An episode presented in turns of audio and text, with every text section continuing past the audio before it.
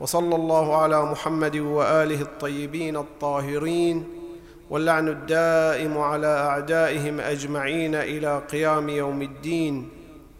السلام عليكم أيها الإخوة المؤمنون جميعا ورحمة الله وبركاته. وعليكم السلام يسرنا في هذه الليلة أن نستضيف معكم سماحة الشيخ أحمد الشهابي ليتناول المقطع الثاني من محاضراته التفسيرية لسورة الكهف والتي صدرنا بها مجلسنا هذا من الآية التاسعة إلى الآية السادسة والعشرون من منها. وحبذا لو يطلعنا سماحة الشيخ على بيان بعض المفردات التي تحتاج إلى بيان في هذا المقطع المبارك فليتفضل مشكورا. بسم الله الرحمن الرحيم. الحمد لله رب العالمين وصلى الله على محمد وآله الطيبين الطاهرين. الله. اللهم صل على محمد وآل محمد. قال تعالى أم حسبت أن أصحاب الكهف والرقيم كانوا من آياتنا عجبا؟ أم هنا بمعنى بل وهي إضراب عما سبق من معنى قدمه الله سبحانه وتعالى إلى معنى آخر. المعنى الذي تقدم هو أنه قد يتعجب الإنسان عندما يلاحظ تصرف الإنسان وتعامله مع زينة الدنيا فإنه اعتبر أن زينة الدنيا له فنافس في الحصول على هذه الزينة وانشغل عن الامتحان الإلهي. فهذا أمر شنو ماذا؟ يتعجب الإنسان من هذا الأمر بأنه يشتغل باقتناء زينة الأرض ويغفل عن شنو ماذا؟ عن زينته. الله سبحانه وتعالى يخاطب النبي صلى الله عليه وآله يقول بل حسبت يعني ظننت أن أصحاب الكهف والرقيم كانوا من آياتنا عجبا. فهذه شنو ماذا؟ كما أن ذلك أمر عجب أيضا هذا شنو ماذا؟ أمر عجب. فأنت شنو ماذا؟ لا تشتغل باشتغال الإنسان وإن كان أمر جدا عظيم. واشتغل شنو ماذا؟ بأمر أصحاب الكهف فإنه أشد عجبا من ذلك الأمر. قضية أصحاب الكهف مشتملة على عنصرين أساسيين. العنصر الأول أن أصحاب الكهف في ابتداء أمرهم كانوا يعيشون مع نظام هذا النظام كان ينكر أن يكون هناك إله واحد للكون. المشكلة التي مرت على البشرية ليست هي المشكلة في إثبات وجود الله سبحانه وتعالى. الكل يؤمن بوجود الله سبحانه وتعالى والقرآن يقول ولئن سألتهم من خلق السماوات والأرض ليقولن الله. أي ما في أي مشكلة. وإنما المشكلة شنو؟ ماذا في الربوبية في التدبير.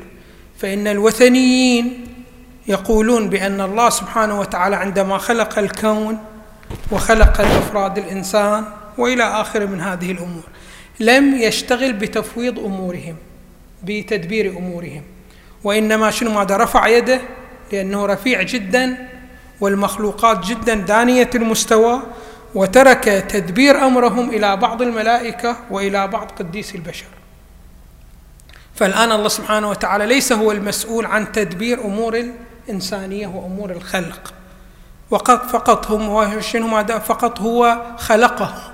عندما خلقهم رفع يده من تدبير أمورهم وأوكل ذلك إلى بعض الملائكة وإلى بعض قديسي البشر. فعلى الإنسان الآن إذا أراد أن يتوجه ليجلب خيرا من الخيرات أو يدفع شر من الشرور لا يتوجه إلى الله سبحانه وتعالى لأن الله سبحانه وتعالى رفع يده عن البشر وإنما يتوجه إلى من؟ إلى بعض الملائكة أو إلى بعض القديسين من قديسي البشر بهذه الصورة وبهذا النحو. فهذه أول شنو؟ ماذا أول مشكلة. المشكلة الثانية أن هذا الإيمان بهكذا أمر قادهم لإنكار المعاد. يعني يوم قيامه ما موجود. وما عندهم دليل على إنكار يوم القيامة وإنما هو شنو؟ ماذا استبعاد أن الإنسان بعد أن يتلاشى في الأرض كيف يخلق مرة ثانية ويعود إلى الجزاء والحساب. فإذا هم عندهم شنو؟ ماذا مسألتان. المسألة الأولى إنكار ربوبية الله سبحانه وتعالى والمسألة الثانية هي إنكار المعاد. فجاءت قضية أصحاب الكهف وقصة أصحاب الكهف لإثبات أن هذا الاستبعاد لا دليل عليه وأنه استبعاد محض الله سبحانه وتعالى أنام هؤلاء أصحاب الكهف ثلاثمائة وشيء من السنين ثم شنو ماذا ثم أوقظهم بهذه الصورة. فبهذا الأمر يزول استبعاد أن الله سبحانه وتعالى قادر على أن يخلق البشر بعد الموت. وإن طالت شنو ماذا المدة؟ فهذا إن شنو ماذا العنصرين فيقول له أنت إذا أردت أن تعجب أيها النبي فلك أن تعجب من اشتغال الإنسان بزينة الأرض والسعي إلى تملكها والهيمنة عليها هذا أمر لك أن تعجب منه ولكن أشد أن تعجب بماذا من غفلة الإنسان عن توحيد الله سبحانه وتعالى وعن إنكار وعن توحيد الله وعن إثبات المعاد هذا أشد شنو؟ ماذا عجبا فلذلك يقول أم حسبت؟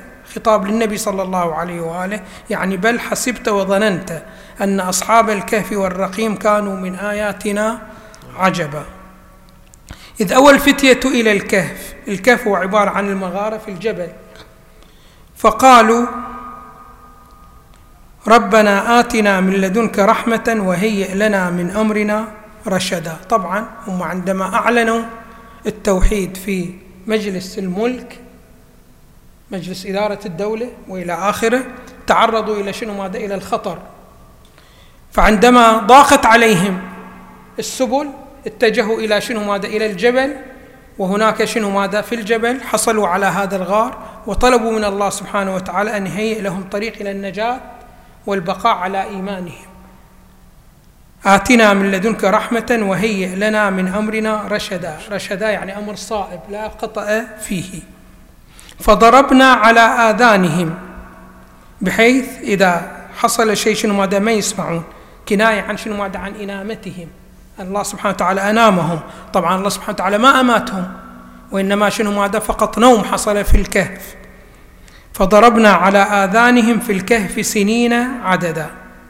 ثم بعثناهم لنعلم أي الحزبين أحصى لما لبثوا أمدا. هنا عندنا وقفة في لنعلم. هنا لنعلم كأنما الله سبحانه وتعالى هناك صفة من الصفة لم تكن موجودة ثم حصلت. يعني لم يكن الله سبحانه وتعالى عالم ثم شنو ماذا حصل؟ هذا العلم. لنعلمه فتحول الله سبحانه وتعالى من لا علم إلى علم. هذه عندنا وقفة عقائدية فيها. ثم بعثناهم لنعلم أي الحزبين أحصى لما لبثوا أمدا. نحن نقص عليك نبأهم بالحق. إنهم فتية آمنوا. فتية يعني شباب. آمنوا بربهم وزدناهم هدى. وربطنا على قلوبهم يعني شدينا على قلوبهم بحيث الفتن والعذابات الدنيوية ما تزلزلهم عن دينهم. بالحق إنهم فتية آمنوا بربهم وزدناهم هدى وربطنا على قلوبهم شددنا على قلوبهم فما تؤثر فيهم العذابات ولا الفتن إذ قاموا في منز في محضر الملك. قاموا فقالوا ربنا رب السماوات والأرض يعني مدبر أمورنا ومعبودنا هو الله سبحانه وتعالى. فقالوا ربنا رب السماوات والأرض لن ندعو من دونه إلها لقد قلنا اذا شططا. يعني قلنا بقول منحرف عن الصواب لو قلنا بتعدد الآلهة وبتعدد الارباب هؤلاء قومنا اتخذوا من دونه آلهة لولا يأتون عليهم بسلطان يعني ببرهان. عندما تقولون أن هناك أكثر من إله ما هو دليلكم على هذا الأمر؟ بسلطان بين فمن أظلم ممن افترى على الله كذبا. طبعا الذي يفتري على الله كذبا لا شيء ولا أحد أظلم منه. لماذا؟ لأنه مع حصول هذه الآيات وهذه الدلالات على أن الله سبحانه وتعالى هو الرب الوحيد تشاهد ناس يتجهون إلى القول بتعدد الأرباب هذا أمر جدا. شنو ماذا جدا فاحش. لذلك شنو ماذا يشكل عنصر ظلم لله سبحانه وتعالى. وإذ اعتزلتموهم وما يعبدون إلا الله. هؤلاء اعتزلتون قومكم وتوجهتون لله سبحانه وتعالى وحده فقط وإذ اعتزلتموهم وما يعبدون إلا الله. فأووا إلى الكهف. ينشر لكم ربكم من رحمته ويهيئ لكم من أمركم مرفقا. هنا أيضا عندنا وقفة. أن الإنسان إذا عاش في مجتمع وهذا المجتمع فيه منكرات وما استطاع أن يغير من هذه المنكرات فعليه أن يحول نفسه إلى بيئة ما تؤثر عليه في هذا الجانب. فهؤلاء هكذا بهذه الصورة. الله سبحانه وتعالى أمرهم بهذا. فأووا إلى الكهف. وترى الشمس إذا طلعت تزاور عن كهفهم تتمايل عن كهفهم. تتزاور تزاور بمعنى شنو ماذا؟ تتمايل عن كهف ذات اليمين وإذا غربت تقرضهم ذات الشمال يعني تقطعهم ذات الشمال. وهم في فجوة منه في فجوة يعني في سعة. فكأنما هذا الغار له شنو ماذا؟ فتحتان. فتحتان تقابل الشمس حين الشروق وفتحة أخرى تقابل الشمس حين الغروب. وهم شنو ماذا؟ في وسط فما تصيبهم شنو ماذا؟ أشعة الشمس. ولكن الشمس تصيب الغار. فلذلك شنو ماذا تغير الهواء الموجود؟ شنو ماذا فيه؟ وهم في فجوة يعني في سعة منه ذلك من آيات الله من يهدي الله فهو المهتدي ومن يضلل فلن تجد له وليا مرشدا. الهداية دائما من الله سبحانه وتعالى. وتحسبهم وتحسبهم ايقاظا. ايقاظا باعتبار أن أصحاب الكهف كانوا مفتوحي الاعين فمن يشاهدهم يقول هم شنو ماذا؟ ايقاظ وهم رقود. ونقلبهم فاذا هم رقود. يعني شنو ماذا؟ ليسوا بأموات. فالله سبحانه وتعالى لم يميتهم. ما زالوا شنو ماذا؟ أحياء. وهم رقود. ونقلبهم ذات اليمين وذات الشمال. لماذا؟ حتى الأرض ما تأكلهم.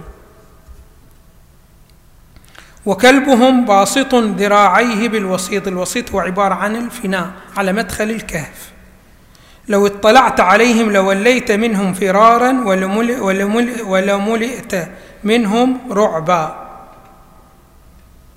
وكذلك بعثناهم ليتساءلوا بينهم. قال قائل منهم كم لبثتم؟ قالوا لبثنا يوما أو بعض يوم. قالوا ربكم أعلم بما لبثتم. فابعثوا أحدكم بورقكم هذا. آه هذا الترديد لبثنا يوما أو بعض يوم يقولون باعتبار أنهم عندما دخلوا الغار كان الوقت مثلا في الصباح أول شنو ماذا؟ شروق الشمس. ثم عندما الله سبحانه وتعالى أوقظهم كان شنو ماذا؟ بعد الظهر. فقالوا إما أتخلل ليل فيكون شنو ماذا؟ أكثر من يوم أو شنو ماذا؟ لا ما تخلل ليل فيكون شنو ماذا أقل من يوم بهذه الصورة. قالوا لبثنا يوما لو تخلل ليل أو بعض يوم. قالوا ربكم أعلم بما لبثتم فابعثوا أحدكم بورقكم هذا. الورق هو عبارة عن العملة المسكوكة للتعامل دراهم وإلى آخره. فليأتي برزق منه وليتلطف يعني يترفق بحيث ما يشعر به أحد ولا يشعرن بكم أحدا. إنهم إن يظهروا عليكم يعني يعرفوكم ويطلعوا عليكم يرجموكم أو يعيدوكم في ملتهم ولن تفلحوا إذا أبدا. ما هي ملتهم؟ هو اتخاذ أرباب دون الله سبحانه وتعالى. وكذلك أعثرنا عليكم عليهم ليعلموا أن وعد الله حق. وعد الله هو عباره عن شنو؟ ماذا عن الجزاء والإحياء بعد الموت. فإن هؤلاء عندما الله سبحانه وتعالى أرقدهم ثلاثمائة سنة أو ما يزيد على ذلك ثم شنو؟ ماذا أوقظهم؟ بهذا الأمر يزول الاستبعاد من شنو؟ ماذا؟ من نشأة المعاد بعد هذا الموت الطويل. ليعلموا أن وعد الله حق وأن الساعة لا ريب فيها إذ يتنازعون بينهم أمرهم. فقال فقالوا ابن عليهم بنيانا ربهم أعلم بهم. طبعا هو بعد ما أوقظهم الله سبحانه وتعالى الأمور تغيرت فهذاك النظام الذي كان يتخذ أربابا هذا النظام شنو ماذا تلاشى وصار شنو هذا نظام موحد. ولكن بقت مسألة استبعاد المعاد موجودة شنو هذا في المجتمع. بهي الصورة بهذا النحو؟ إذ يتنازعون بينهم أمرهم فقالوا ابنوا عليهم بنيانا ربهم أعلم بهم. قال الذين غلبوا على أمرهم لنتخذن عليهم مسجدا. سيقولون ثلاثة أي طبعا الأمم السابقة الأمم اللاحقة التي جاءت بعد قضية أصحاب الكهف. صار شنو هذا التنازع؟ سيقولون بعضهم ثلاثة رابعهم كلبهم. فأصحاب الكهف هم شنو هذا ثلاثة؟ ورابعهم كلبهم. ويقولون خمسة سادسهم كلبهم رجما بالغيب. ويقولون سبعة وثامنهم كلبهم وهو هذا الرأي الصحيح. لذلك الله سبحانه وتعالى ما وصف بأنه رجما بالغيب. قل ربي أعلم بعدتهم ما يعلمهم إلا قليل فلا تماري فيهم يعني لا تجادل إلا مراء ظاهرا ولا تستفت فيهم منهم أحدا. ولا تقولن لشيء إني فاعل ذلك غدا. هنا عندنا أيضا وقفة. دائما على الإنسان أن يعتاد هذا الأمر ويشعر قلبه بهذه الحقيقة بأنه المشيئة دائما لله سبحانه وتعالى والمالكية والحاكمية هي لله سبحانه وتعالى. فإنه ليس لك أن تجزم شيء من الأشياء أنك ستفعل غدا إلا بمشيئة الله سبحانه وتعالى وتوفيقه. واذكر ربك إذا نسيت وقل عسى أن يهديني ربي لأقرب من هذا رشدا. ولبثوا في كهفهم ثلاثمائة سنين وازدادوا تسعا. فإذا مدة الإقامة في الكهف كانت ثلاثمائة وتسع سنوات. قل الله أعلم بما لبثوا. له غيب السماوات والأرض. أبصر به وأسمع. ما لهم من دونه من ولي ولا يشرك في حكمه أحدا. واتلوا إلى هنا ينتهي شنو هذا؟ المقطع. نعم. فإذا هنا إعادة ورجوع إلى شنو هذا؟ إلى مسألة أن الحاكمية لله سبحانه وتعالى ولا يشرك في حكمه أحدا بهذه الصورة وبهذا النحو. هاي بالنسبة إلى المعاني المفردة التي تحتاج إلى بعض أحسنتم شيخنا أه واضح جدا من خلال الآيات المباركة أن هناك نقاط عقائدية لابد من التوقف عندها والاسترسال في شرحها. فإليكم المجال سماحة الشيخ. بالنسبة للوقفات العقائدية وهي من الأمور المهمة الإنسان أن يطلع عليها ويشعر قلبه بها أولا شنو ماذا؟ أن الهداية من الله سبحانه وتعالى. الهداية طبعا على نحوين. عندنا هداية فطرية. وعندنا هداية مجازاتية. فالله سبحانه وتعالى ابتداء يخاطب الإنسان بالقرآن. والإنسان عندما يقبل القرآن إنما يقبله استنادا للهداية الفطرية الموجودة. فإن الله سبحانه وتعالى جعل في الإنسان ميل ابتداء إلى الميل إلى القول بالتوحيد. واضح شلون فإلى ذلك التوحيد أمر شنو؟ ماذا فطري. يعني تقود له الهداية الفطرية. وأيضا شنو ماذا؟ مسألة شنو ماذا؟ الإيمان بأصل بعثة الله سبحانه وتعالى إلى الرسل. وهكذا بالمعاد. هذه كل شنو ماذا؟ معتمد على الإيمان بالهداية الفطرية قبل الرجوع إلى القرآن. ثم الإنسان إذا رجع إلى القرآن والذي يسبب رجوعه إلى القرآن هي الهداية الفطرية عند ذلك الله سبحانه وتعالى يتفضل عليه بهداية أخرى. وهي هداية على نحو المجازات. كذلك الإضلال عندنا على نحوين. إضلال عندنا بسبب الانحراف في الفطرة وعندنا إضلال بسبب المجازات. فعندنا إضلال ابتدائي وعندنا إضلال على نحو المجازات. كذلك الهداية عندنا على نحوين. على نحو الابتداء وسلامة الفطرة هي التي تقود إلى هكذا هداية وعندنا هداية أخرى هي الهداية على نحو المجازات.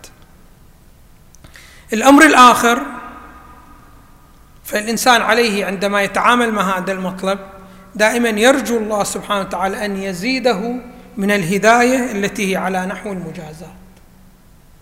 هذه المسألة الأولى. المسألة الثانية أن التوحيد عندنا على نحوين. طبعا التوحيد عندنا أكثر عندنا حوالي خمسة أنحاء من التوحيد. إن شاء الله إذا صار مناسبة أخرى نتعرض إليها بالتفصيل. عندنا التوحيد الألوهي. فإذا التوحيد ذو النحوين ما تناولته هذه الآيات المباركة. عندنا التوحيد الأول هو التوحيد أن الله سبحانه وتعالى لا وجود بصفاته وأنه مبدأ الكل إلا هو واحد فقط. فهناك عندنا أول توحيد هو التوحيد الوجودي لله سبحانه وتعالى أن الله سبحانه وتعالى موجود. ثم شنو ماذا إثبات؟ أن هذا الموجود بهذه الصفات واحد. ثم بعدين ننتقل إلى شنو ماذا؟ إلى التوحيد الربوبي. التوحيد الربوبي هو عبارة عن أن الذي يوصل الأشياء في هذا العالم إلى كمالاتها هو الله سبحانه وتعالى فقط. المؤثر بالنسبة إلى كل مخلوق من المخلوقات أن يخرجه من حالة النقص إلى حالة الكمال هو الله سبحانه وتعالى فقط. هذا هو التوحيد الربوبي. وكما ذكرنا أن المشكلة هو دائما في التوحيد الربوبي. فالأنبياء دائما يبعثون لماذا؟ مو لإثبات وجود الله سبحانه وتعالى وإنما لإثبات التوحيد الربوبي ودعوة الناس إلى الله سبحانه وتعالى وتفهيم الناس بأنه المؤثر في كل أمورهم هو الله سبحانه وتعالى. فلا قديس البشر لهم تأثير ولا الملائكة شنو ماذا لهم تأثير؟ التأثير الأول والأخير هو لله سبحانه وتعالى. الأمر الثالث قوله تعالى لنعلم. هنا هذه العبارة ظاهرة في أن الله سبحانه وتعالى لم يكن له علم ثم حصل له شنو ماذا؟ علم بهذا الأمر. فهنا نقول بأنه العلم على نحوين. عندنا علم هو صفة في الذات وهي لا مغايرة بينها وبين ذات المقدسة لله تعالى فهو عين العلم والعلم عينه. وهذا يستحيل فيه شنو؟ ماذا التغير. فما فيه انتقال من حال إلى حال. لماذا؟ لأنه دائما الانتقال من حال إلى حال مرتبط بالأمور المادية. وهنا لا مادية في الله سبحانه وتعالى. هو وجود مجرد فلا تغير من حال إلى حال فيه. فإذا إلى لنعلم ما معقول أن يرتبط شنو؟ هذا بالذات. نعم يمكن أن يرتبط بالفعل. فإن فإن أفعال الله سبحانه وتعالى بلا إشكال شنو؟ هذا حادثة. يعني لم تكن ثم كانت. فهنا يقولون هذا العلم الذي هو ظاهر في الحدوث المراد منه ليس العلم الذاتي وإنما المراد العلم الفعلي. هذا وجه. وجه آخر نقول لا المراد من هذا لنعلم يعني ليظهر علمنا. نحن نعلم من السابق ولكن هذا العلم لم يظهر للخليقة. الآن شنو ماذا ظهر؟ هذا الأمر. بهذه الصورة وبهذا النحو. إيه. مثل الآن ها في قوله تعالى في الآية سورة الفاتحة عندما يقول سبحانه وتعالى مالك يوم الدين. خب نعرف إحنا بأنه مالك يوم الدين. يوم الدين هو عبارة عن يوم الجزاء يوم القيامة. فهل الله سبحانه وتعالى مالك يوم الدين؟ يعني فقط مالك ليوم القيامة؟ والدنيا شنو مملوكة لمن؟ المفروض بأنها مملوكة لله سبحانه وتعالى. والمالك الأول والأخير هو الله سبحانه وتعالى. فلماذا يقيد هنا الملك بيوم القيامة؟ يقال هنا المراد يظهر ملكه وإلا هو مالك للدنيا والقيامة. ولكن يوم القيامة يظهر ملكه. لماذا؟ لأن الأسباب كلها تنطوي ويكون الله سبحانه وتعالى هو المسبب الوحيد لهذه الأمور. فتظهر مالكيته للأشياء. وإلا هو مالك كما في الدنيا هو شنو ماذا؟ مالك في الآخرة.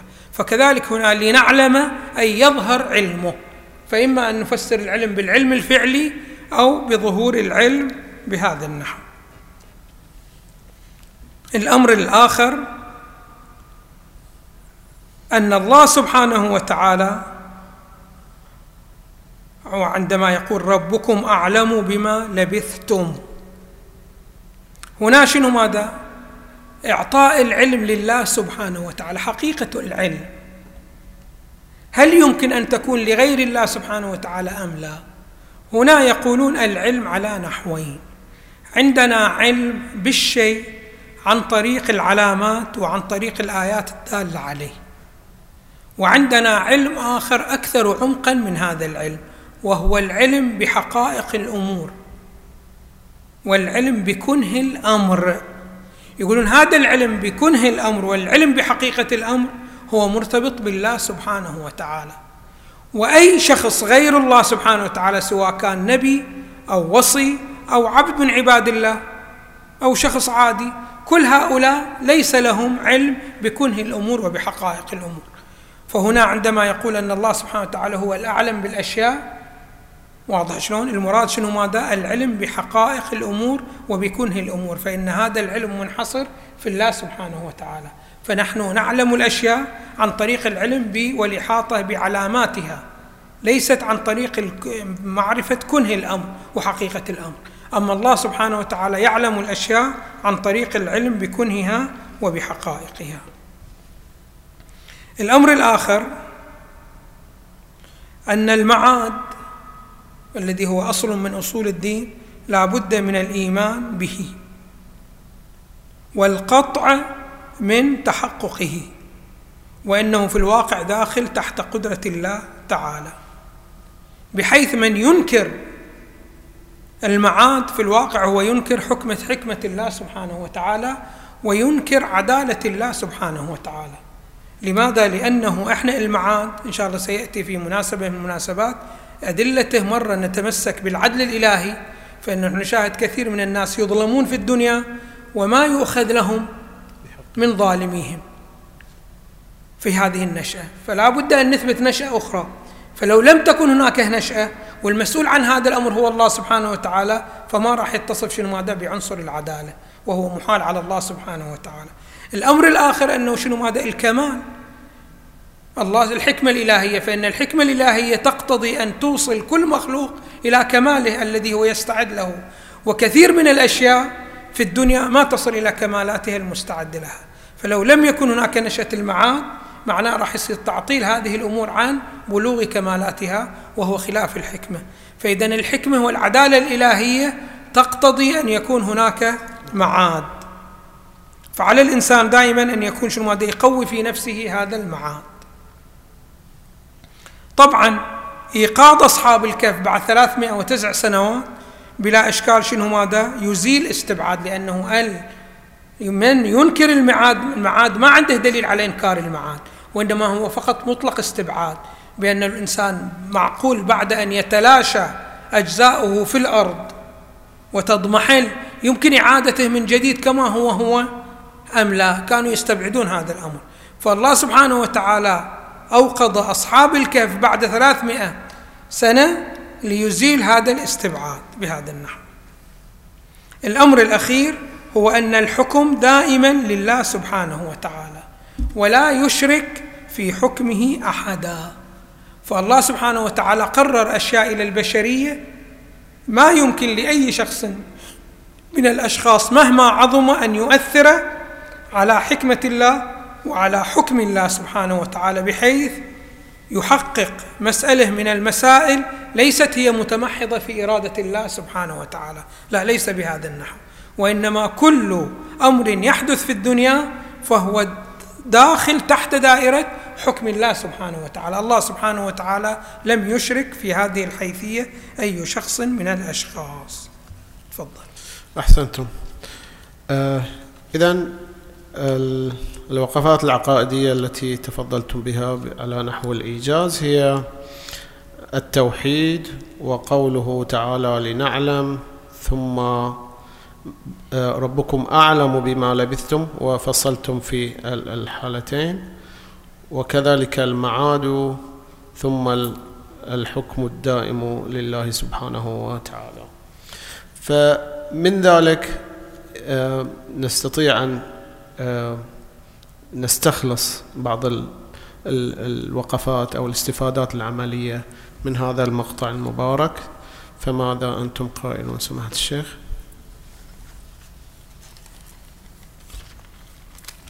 الاستفادات العملية من هذا المقطع المبارك. أول استفادة هنا يشير إليها الله سبحانه وتعالى عندما قال ربنا آتنا من لدنك رحمة وهيئ لنا من أمرنا رشدا. الإنسان في حياته كثيرا ما يتعرض إلى هكذا أمور. مطلوب من عنده أن يتخذ موقف في بعض المسائل في أموره الحياتية. يستحيل أن الإنسان يدخل الحياة الدنيا ويخرج منها ما يتخذ أي موقف من المواقف. لا بد أن يبتليها الله سبحانه وتعالى في حياته الاجتماعية باتخاذ موقف من المواقف. دائما. زاد أم قل.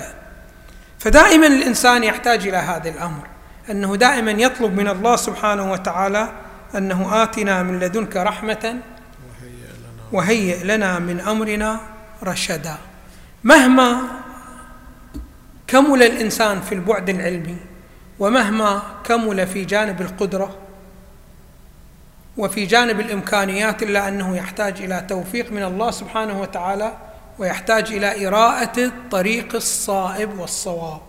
فإنه كثيرا ما من الإنسان يدخل في حركات وفي عمليات في حياته ثم شنو ماذا يتندم أنه لماذا دخل في هذه المسألة أو أنه لماذا لم يفكر التفكير المناسب مع هذه المسألة. مهما هو فكر ومهما فعل إمكانياته يبقى الإنسان محتاج إلى ماذا؟ إلى الله سبحانه وتعالى. في شنو ماذا؟ في هدايته فدائما الإنسان عينه دائما يضح على من؟ على الله سبحانه وتعالى في الجانب التوفيقي. هذه المسألة الأولى. المسألة الثانية أنه الإنسان قد يسمع شنو ماذا بدعوة من الدعاوى. نتيجة لسلوكياته وتقليده وبيئته الخاصة مباشرة قد يقبل هذه الدعوة بلا دليل أو قد ينكرها بلا دليل. لا على الإنسان لا يقبل بلا دليل ولا ينكر شنو ماذا بلا دليل. دائما شنو ماذا الإنسان يعطي إلى نفسه الفرصة بأنه يبحث عن البرهان وعن الدليل. إن قرر سلبا أو قرر شنو ماذا إيجابي يمشي مع هذا العمل على نحو السلب أو على نحو الإيجاب عليه أن يطالب نفسه شنو ماذا بالدليل على هذا الأمر الذي يقتضي هذا أو هذا. فلا تقرر قبل أن تبحث شنو ماذا عن البرهان في كل الدعاوى والى اخره فلا يمنعك التعصب ولا يأخذك التقليد مباشرة بلا برهان خصوصا في الأمور العقائدية. هنا عفوا شيخنا من أي آية نستفيد هذا المعنى؟ في الآية هؤلاء قومنا اتخذوا من دونه آلهة لولا يأتون عليهم بسلطان بين. فمن أظلم ممن افترى على الله كذبا. أحسنتم. تفضل. المورد الثالث عدم الإقامة في أجواء المنكر. الإنسان عندما يعيش في مجتمع من المجتمعات قد يكون هناك منكر من المنكرات. يسعى إلى تغييره ما يتمكن شنو ماذا من التغيير. وما يأمن على نفسه لو بقى في هكذا ظروف وهكذا بيئة أن ينفعل ويتأثر بهذا الأمر. فعلى الإنسان أن لا يقيم في هكذا مجتمع. فعلى الإنسان دائما إذا كان في أجواء مشتملة على المنكر ولم يستطع أن يغير واحتمل الانفعال والتأثر عليه أن يترك هذا الأمر. والله سبحانه وتعالى سيتكفل به ويرشده طبعا والله سبحانه وتعالى يتكفل به ويرشده. نعم. كما تكفل بأصحاب, بأصحاب الكهف. نعم. الأمر الأخير وهو الرابع أنه دائما علينا أن نربط الأشياء بمشيئة الله سبحانه وتعالى. الإنسان كثيرا من الأحيان يدخل العمل الذي يريد أن يعمله وهو متوفر على إمكانيات. عنده عزم عنده إرادة عنده شنو ماذا ماديات. كل الأمور التي يحتاج إليها هذا العمل بظاهره موجوده عنده. ولكنه شنو ماذا يغتر ويعلق الأمر على مشيئته. فيدخل في باب العمل فما يرى أن هذا العمل ينجز. لماذا؟ لأنه نسي أن كل شيء بمن؟ بيد الله سبحانه وتعالى. مهما وفرت من إمكانيات يبقى الأمر مرتبط ومتعلق بمن؟ بمشيئة الله سبحانه وتعالى. فعلى الإنسان دائما أن يلتفت إلى هذه الحيثية. لا يحصل لك الغرور بتوفر الإمكانيات بين يديك. واضح شلون؟ فإن الله سبحانه وتعالى هو المؤثر في كل شيء هو الرب. يعني شنو معناه مع الرب؟ معنى الرب أنه لا يوصلك لكمالك إلا هو. وأي شيء له مدخلية في الإيصال فإنما يوصل شنو ماذا؟ بإذنه. ولذلك يقول تعالى ولا تقولن لشيء إني فاعل ذلك غدا. إلا أن يشاء الله. فالمطلوب شنو ماذا؟ إشعار القلب بهكذا حقيقة وبهكذا معرفة. فعلى الإنسان لا يغتر لا بإمكانياته ولا بعزمه ولا بإرادته ولا بأعوانه. كل شيء مرتبط بمشيئة الله سبحانه وتعالى. الموقع الذي يعبد فيه الله سبحانه وتعالى يعد لعبادة الله سبحانه وتعالى. فهنا أصحاب الكهف عندما حصل هذه المسألة وذهبوا إلى هذه المنطقة طبعا هم عندما ذهبوا إلى أصحاب الكهف عندما أوقظهم الله سبحانه وتعالى نزلوا شنو ماذا إلى المدينة. ثم فيما بعد شنو ماذا رجعوا إلى شنو ماذا إلى الغار حتى يخبروا بعضهم الآخر. نعم. فعندما وصلوا إلى الغار الله سبحانه وتعالى عند ذلك أماتهم جميعا. فهؤلاء أصحاب المدينة والقرية عندما وصل لهم وصلوا لهم وهم أموات. فقالوا الآن البعض قالوا خلاص شنو ماذا سدوا الغار وانتهى الأمر. والبعض آخر قالوا لا بأنه نبني عليهم شنو ماذا مسجد. فيعبد الله سبحانه وتعالى في هذا المقام. فالمراد بالمسجد هو كما الآن موجود يعني مكان العبادة لله سبحانه وتعالى. بهذه الصورة وبهذا. أحسنت